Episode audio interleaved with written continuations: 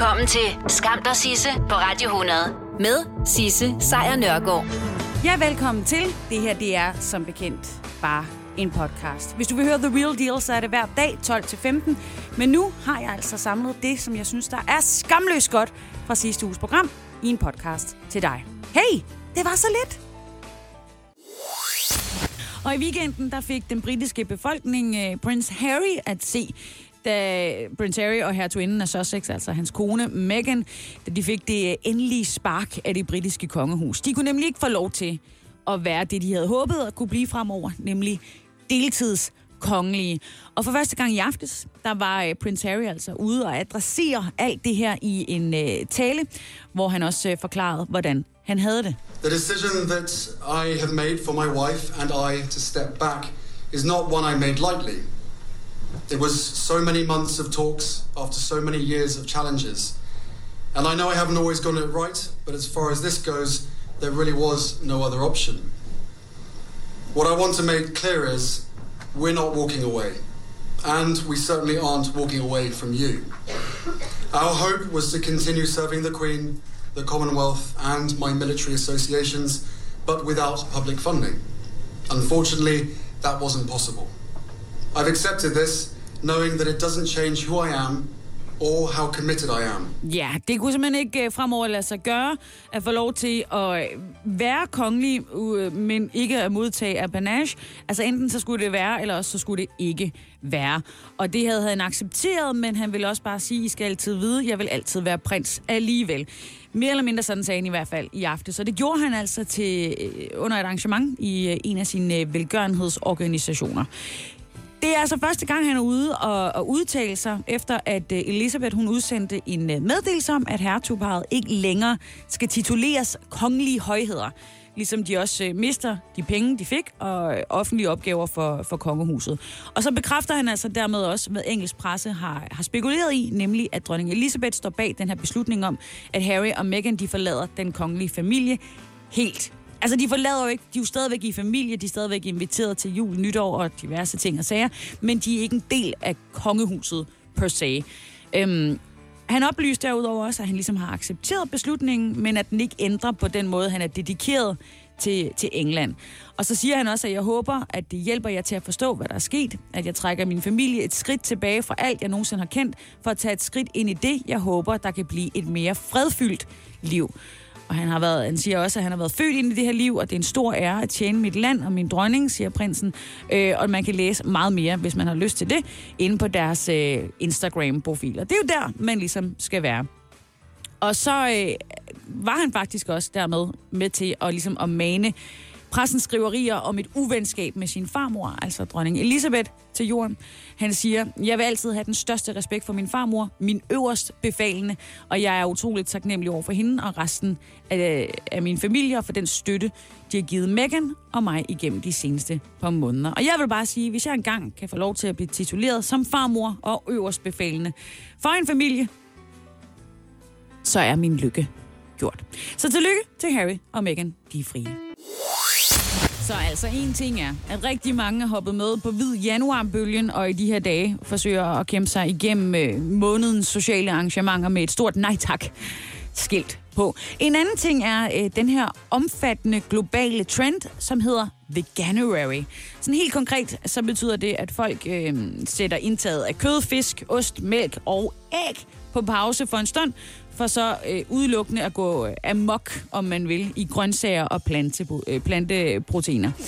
Øhm, man kalder det Veganuary, fordi det er jo januar og vegan. Altså, det er ordspil, ikke? Det er smart. Øh, og det er blandt andet med øh, ex-Beatle øh, Paul McCartney blandt øh, tilhængerne, og øh, skuespilleren Hakim øh, Phoenix, som jo nærmest skulle have en medalje for at gå med øh, sit jakkesæt flere gange det er en anden side af sagen. Og bag øh, det her Veganuary, der står der altså en britisk non-profit organisation, som øh, for seks år siden begyndte at kæmpe for, at flere mennesker prøvede kræfter med det veganske køkken. Og det første år, så fik deres tiltag her, Veganuary, cirka 50.000 tilhængere. Men, i, øh, men siden da, der er vi faktisk kommet op på omkring en halv million mennesker, fordelt over 159 lande, som altså har holdt vegansk januar her sidste år. Vi er også med på den her hjemme. Absolut. Øh, det kan i hvert fald Vegetarisk Forening mærke, øh, og det kan de altså med en øh, markant øget interesse for deres liv og levnet i den første måned af året. Deres generalsekretær Rune Kristoffer Dragsdal, han siger, at det er helt tydeligt, at folk overvejer at spise mere vegetarisk og vegansk her i januar. Det danske sidestykke til Veganuary hedder Klimaudfordringen, og det er også en udfordring, som rigtig mange springer på. Det helt afgørende er dog, understreger han, om, om folk har tænkt sig at holde ved deres grønne vaner, når januar er over. For det er jo det, der i det lange løb er den øh, vegetariske eller veganske livsstil. Øh, det, det er jo det, der ligesom gør, at den måde at leve på gør en forskel for klimaet og for dyrene. Det mener han i hvert fald. De er ikke sikre på, hvor mange der egentlig er hoppet med på, øh, på bølgen. Øh, de ved, at mange øh, dropper kødet i 2010. Der var der, der så få mennesker, at det statistisk set ikke kunne måles. Men her i øh, år, der har de i hvert fald fundet ud af nu, at de øh, tænker, at det er omkring 2,5 procent af befolkningen, som er vegetar eller veganer. Når det så er sagt, så består danskernes aftensmad hovedsageligt stadigvæk af kød. I hvert fald i 8 ud af 10 øh, tilfælde, så er det kød, der er på tallerkenen med en form for tilbehør. Og derudover så øh, er kød også ligesom det, der spiller en øh, hovedrolle i den planlægning, øh, der er om den, de, de daglige måltider. Øhm, og indkøb og tilberedning af aftensmåltidet. Altså 54 procent af danskerne, de siger i hvert fald, at kød udgør langt størstedelen af deres måltider. Langt de fleste danskere er altså stadigvæk det, som man kan kalde ortodoxe kødspisende, eller flæsketar, som nogen også har begyndt at kalde dem. Øhm, og der kan man sige, at tallene de går ligesom i øh, stærk kontrast til det mediebillede, som der er derude, hvor man ellers får indtryk af, at en stor del af danskerne er blevet veganer eller vegetar, eller som minimum flexitar, altså de her vegetar, der nogle aftener også spiser kød. Ja, så de findes jo også derude. Der er også pesketar, der er alt muligt enkelte gange, så kan sådan nogle trends, som vi ser i øjeblikket, øh, faktisk øh, påvirke forbruget i opadgående eller nedadgående retning i en periode. Det skete for eksempel tilbage i, øh, i starttierne, øh, fra 11 til 14. Der steg kødsalget, og det gjorde det på grund af paleo, kost og stenalderkost. Og siden da, der er forbruget af kød så faldet hvert år med et par procentpoint.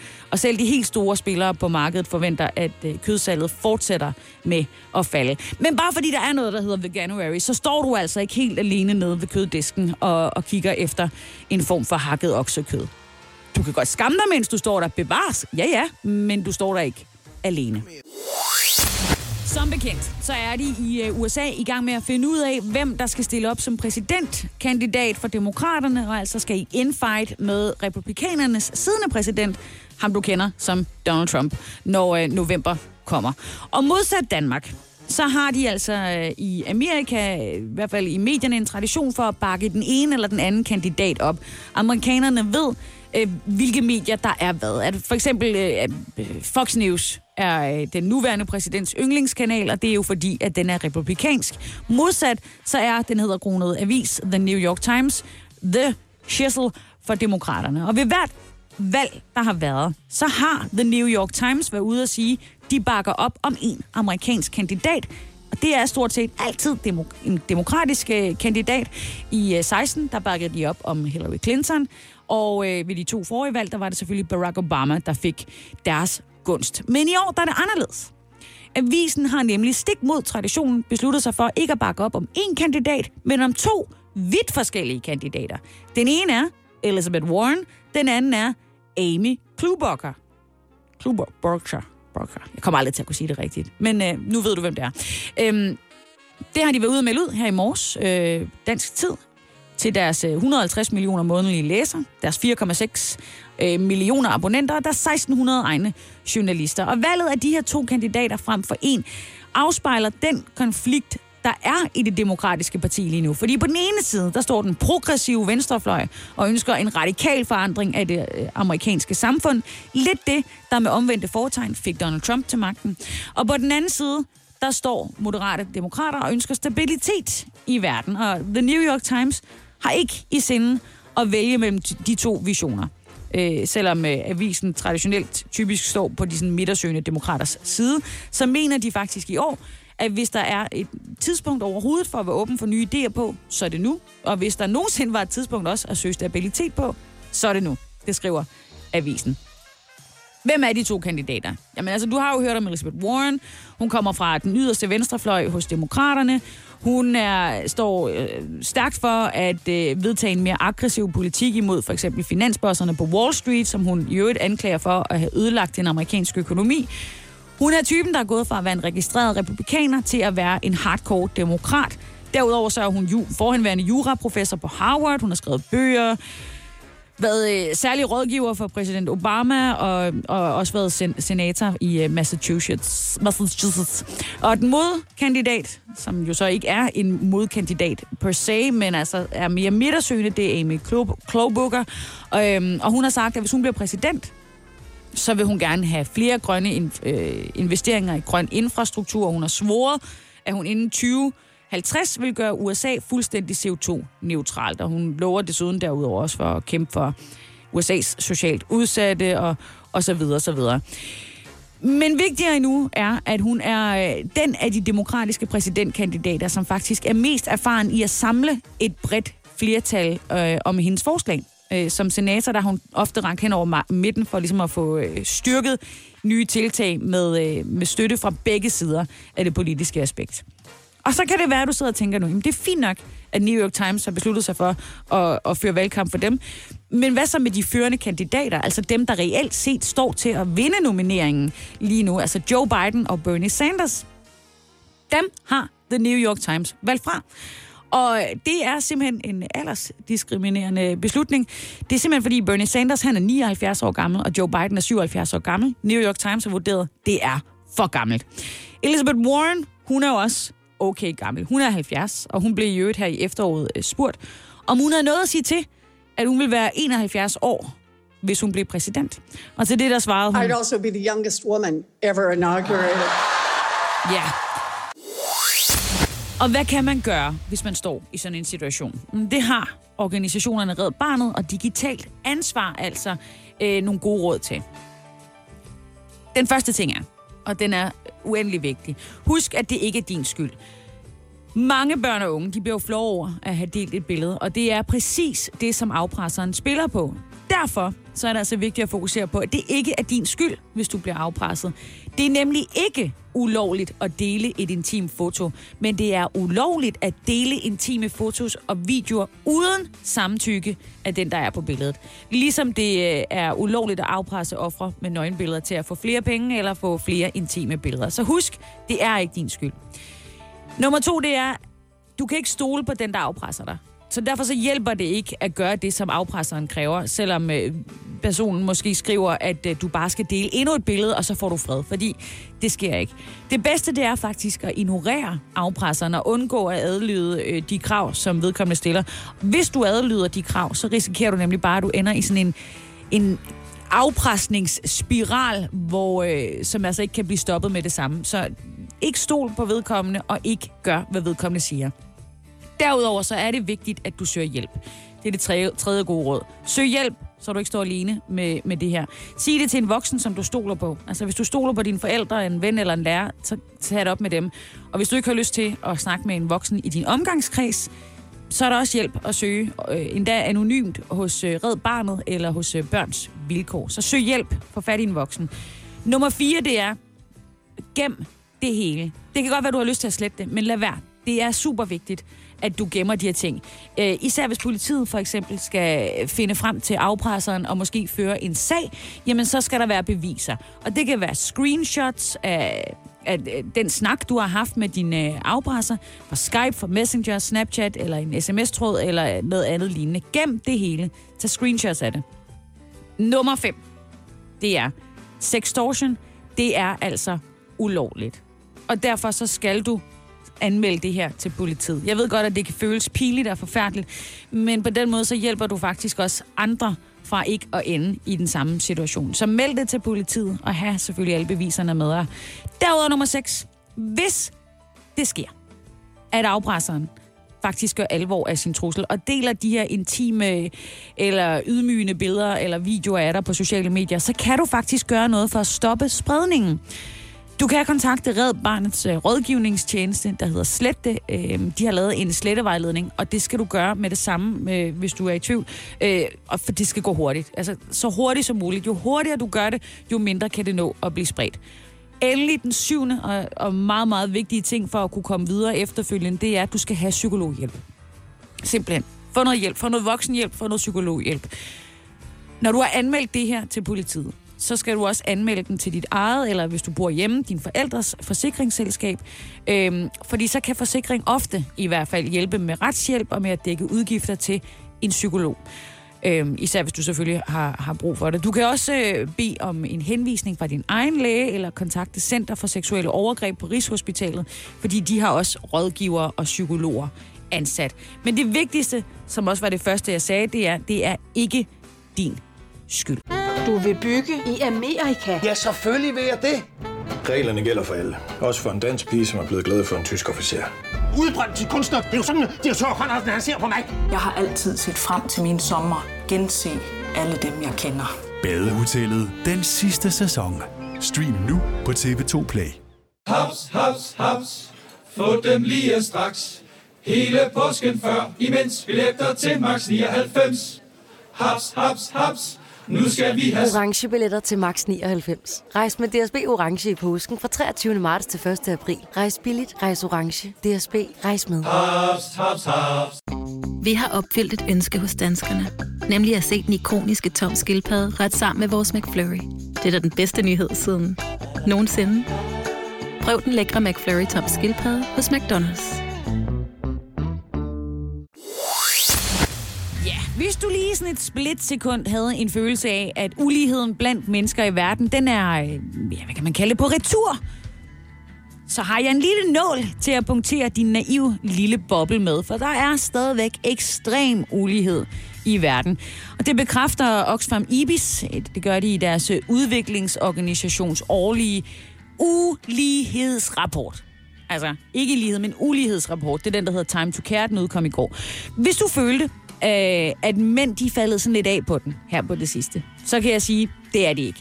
Øh, ifølge Oxfam Ibis rapport, så viser det, at det er kvinder, som står som de store tabere, når øh, man har regnet ud, hvor alle pengene er landet henne. Øhm, fordi det er faktisk en lille eksklusiv klub af milliardærer, som sidder på store dele af verdens rigdom, mens kvinder de knokler for overhovedet at overleve. Og sådan er det, ja, når du gør hele gennemsnittet op. Globalt set, så er mænd 50 procent mere velhavende end kvinder. Og 9 ud af 10 dollar milliardær, de er mænd. Øh, det står i rapporten, det er ikke noget, jeg bare sidder og siger. Det står i Oxfam Ibis rapporten.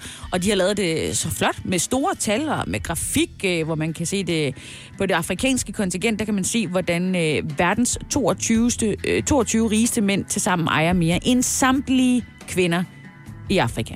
De 22 rigeste mænd, mere end alle kvinder i Afrika. Mm-hmm. Det er øh, konsekvent kvinderne, der har de dårligste betalte jobs. Øh, derudover så er det dem, der står for størstedelen af det ulønnede omsorgsarbejde, og det er blandt andet øh, rengøring, men det er selvfølgelig også pasning af børn og af syge. Nå ja, og så peger Oxfam også på, at kun 4% af verdens skatteindtægter i dag, de kommer fra beskatning af rigdom. Det er jo... Juhu! Hvis du er rig. Øh, samtidig med, at milliardærerne de hober sig op i den ene ende af verden, så må næsten halvdelen af verdens befolkning leve for under 5,5 dollar om dagen. Det er ingenting at leve for om dagen. Og det fremgår også, at 2.153 mennesker, som i dag er det, der hedder dollarmilliardær, de til sammen ejer mere end 4,6 milliarder mennesker på kloden. Ja, altså, sådan, som jeg sagde for lidt siden, hvis man så tager verdens rigeste ene procent, som jeg startede ud med at sige, så ejer den ene procent mere end dobbelt så meget, som 6,9 milliarder mennesker til sammen gør. Man behøver ikke at være øh, matematiker for at kunne følge med i den her rapport, som øh, Oxfam Ibis har øh, lagt ud. Den kan du bare finde. Den hedder Time to Care. De har været rigtig dygtige til at visualisere skævheden med, med billeder og forklaringer. Der er blandt andet lavet sådan en ny form for stoleleg. Øh, sådan så hvis alle i verden fik deres rigdom udbetalt i 100 dollar sedler og satte sig på dem, så ville det meste af menneskeheden sidde helt fladt på gulvet. Det kan man se på billedet. Men den gennemsnitlige øh, middelklasse dansker ville sidde i stolehøjde. Øh, sådan, okay, ret ryg, dejligt, altid. Mens verdens to rigeste mænd, som jo selvfølgelig er mænd, ikke kvinder, de vil sidde i det ydre rum. Skam dig, Sisse, på Radio 100 præsenterer dagens skamløse øjeblik. Har du været forbi Aarhus øh, Banegård, så ved du, at der findes en flot togmodelbane, og hvis man smider en mønt i den, så tager toget i banen en tur rundt i det herlige landskab, hvor der er små bygninger, og der er dyr, og der er en lille kirke. Nogle gange er det nat, andre gange er det dag. Mega hyggelig. Og den har gjort øh, børn og øh, barnlige sjæle glade siden 1962, hvor den blev stillet op. Og så er der nogle børn, den giver mere glæde hos end andre. Fordi de her mønter, der bliver smidt ned i den her bane, de går til velgørenhed. Og det mindede den socialdemokratiske Aarhusborgmester Jakob Bundsgaard også alle om i en video på Facebook. Det gjorde han i december. Han fejrede lige med at smide en øh, uh, to krone i banen i den, her vi, øh, i den her video, og så satte det lille tog i gang, og så brugte han ellers opslaget til at sige tak til de mange frivillige organisationer, som hjælper udsatte børn og voksne. Herlig video. I øh, 2019, der lå der i alt 18.244 2 kroner i modelbanen, og de i alt 36.488 kroner, de var netop blevet fordelt mellem otte aarhusianske organisationer. Og øh, borgmesterens opslag, den blev så, det blev så delt øh, af flere end 200 mennesker. Det har fået mere end 7.000 likes og 500 kommentarer, hvor rigtig mange af de her kommentarer, de kommer fra brugere, som jo roser borgmesteren for hans gode budskab fed historie for borgmesteren. Men udover de der to kroner, som han bruger i videoen på at få toget i gang, så kan man altså af Facebooks åbne reklamelister se, at der er brugt et sted imellem 58.000 og 70.000 kroner på at promovere det her Facebook-opslag. Det skriver Berlingske i dag. Altså øh, simpelthen øh, omkring 58.000 til 70.000 kroner på at skubbe det tog ud fra perronen, så han kunne få nogle likes og nogle søde kommentarer online. Det er altså et stort beløb. Det er et beløb, der er væsentligt højere end de 36.488 kroner, som togbanen har samlet ind, og som jo altså er blevet doneret til deling mellem otte organisationer. Ja, Annoncen her er ikke oprettet af borgmesteren selv. Den er blevet op, øh, oprettet af en ansat i øh, Socialdemokratiets øh, Aarhus-afdeling. Øhm, man kan dog se på de her annoncer, at de er blevet betalt af Jakob Bundsgaard. Og af listerne, der fremgår det også, at opslaget er promoveret ikke en, ikke to, men hele tre gange. Og med succes, det er blevet set af 1,2 millioner brugere. Og med opslaget, så har Jakob Bundsgaard, der jo øh, også er formand for kommunernes landsforening, sandsynligvis har skabt et grundlag for at få flere stemmer ved det kommende kommunevalg. Det har været en, en masse feel-good-video. Det er sådan noget, folk de elsker og godt kan lide. Det siger i hvert fald øh, Benjamin Rud Elbert, som er tidligere digital chef for Socialdemokratiet. I dag der er han øh, digital rådgiver og ekspert i øh, sociale medier. Det siger han altså til Berlingske. Han mener, at borgmesteren her kan få en personlig gevinst ved at promovere sit opslag på den måde. Mens de organisationer, som altså får de penge, der var i, i selve togmodellen, de har meldt ind til Berlingske, at de altså ikke har mærket noget løft af den her dyre Facebook-annonce. Ja, så øh, siden marts 2019, der har Bundsgaard i øvrigt brugt næsten 80.000 kroner på at promovere opslag på sin Facebook-side. Og størstedelen er altså gået til det her opslag om modeltoget. Ja, som... Det er bare... Kæft, det er sådan nærmest en Aarhus-historie. Det kom lidt til at handle om noget andet end musikken, da Sveriges Radio holdt sin øh, store prisfest øh, P3 Guld, den samme, der blev holdt herhjemme, og som blev holdt for at hylde øh, musikscenen, altså i deres tilfælde den svenske musikscene. For da det kvindelige svenske punk-rock band Arte Arte de optrådte i øvrigt på Roskilde Festival i sommer. Da de tog øh, på scenen for at modtage prisen for årets rock og metal, så nåede de ikke med én takketale. Altså, der var en takketale, bevares, og det var fint. Og så tog øh, bandmedlem Matilda Mattis Orderstad, hun tog mikrofonen, og så kom der en anden takketale. Jag vill tacka alla som gömmer flyktingar, alla som sliter inom vården, alla som jobbar på kvinnojourer. Ni är de riktiga hjältarna! Tack alla som röstar rött! Fuck Jimmy! Det hun siger her, det er, jeg vil gerne takke alle, der skjuler flygtninge, alle, der kæmper inden for sundhedsvæsenet, alle, der arbejder på krisecenter for kvinder. I er de virkelige helte. Tak til alle, der stemmer rødt. Fuck Jimmy. Det råbte hun altså på tv-skærmen, og så kastede hun mikrofonen i gulvet til stor huen for tilskuerne. Altså, det er sorry, det er sjovt at se på. Det er det bare. Og øh, det var ikke sjovt at se på for øh, en del højorienterede politikere i Sverige. De har været ude og, og skælde ud, og det skal de gøre, og det har Pia Kjærsgaard også gjort herhjemme.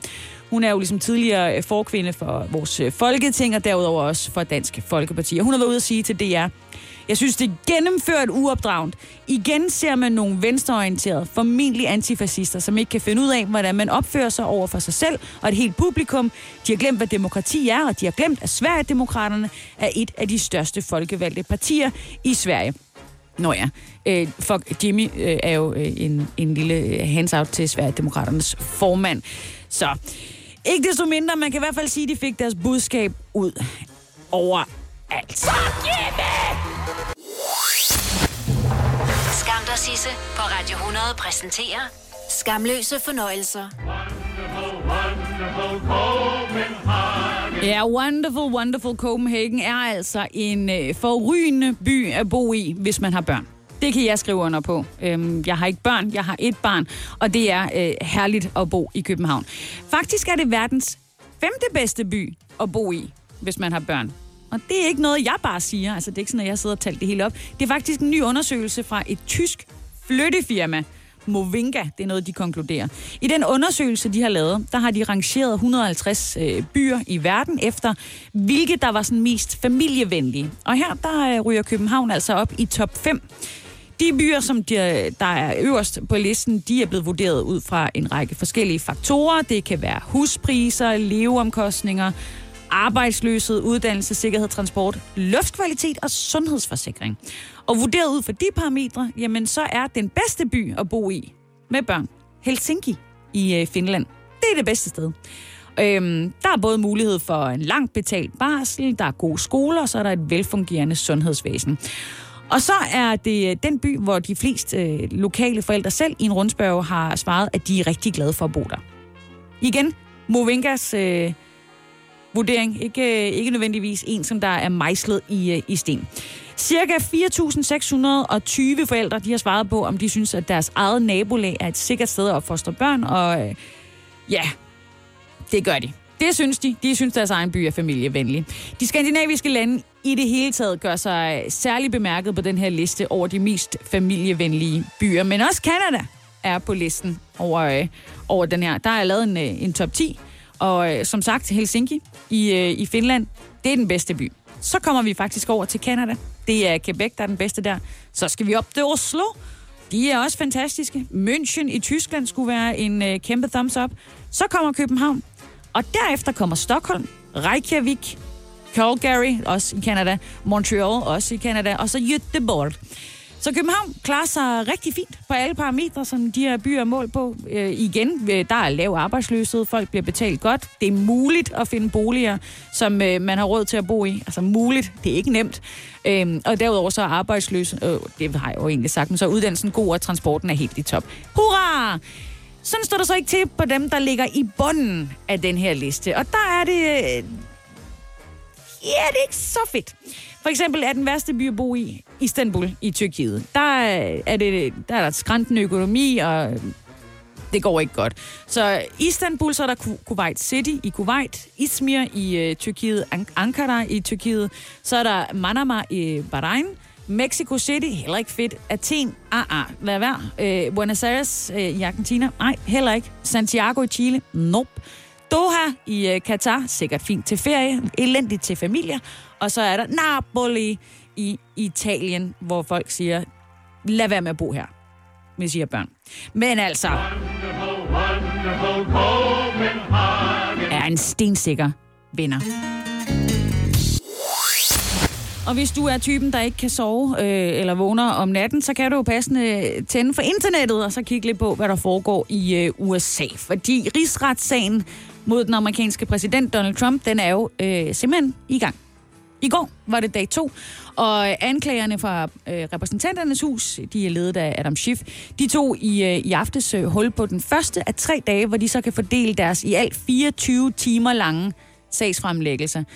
Og øh, der var nogle giftige ordvekslinger mellem det hvide husets øh, advokater på første dagen, og det fik altså demokraterne øh, til at få en øh, anderledes øh, fri taletid til at fremlægge både videoklip, powerpoints, og der var også tweets til at præsentere deres sag. En sag, som jo øh, ikke alle 100 senatorer har hørt så detaljeret før. Og det skulle have været en, øh, en sag uden afbrydelser, om man vil, men sådan gik det ikke. President Donald J. Trump spoke by telephone with President Vladimir Zelensky of Ukraine to congratulate him on his recent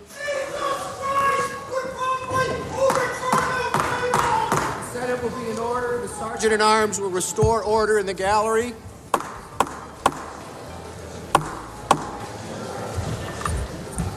And the scripture says, For the Lord loves justice. Ja, så fortsatte de altså. Fordi efter fem timer, så blev de afbrudt af en demonstrant, som kom ind og råbte noget i stil med, øh, de støtter abort, og det var formentlig med henvisning til demokraterne. Den her mand er så blevet øh, øh, fundet og identificeret bagefter. Han er sådan en abortmodstander og Trump-tilhænger.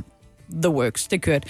Nå, de fortsætter derude af. Alligevel ret vildt, at øh, sådan en type kan få lov til at komme ind og, og afbryde noget så vigtigt. Men ikke desto mindre, de fortsat derudaf. af. demokraterne, de spillede en række af de sådan mere mindeværdige citater fra høringerne i Republikanernes hus her i efteråret. Og det var jo der, hvor diplomater og ansatte i det nationale sikkerhedsråd, de ligesom kastede lys over, hvad der var sket før og efter Trumps berømte telefonsamtale med Ukraines på det her tidspunkt nyvalgte præsident Volodymyr Zelensky.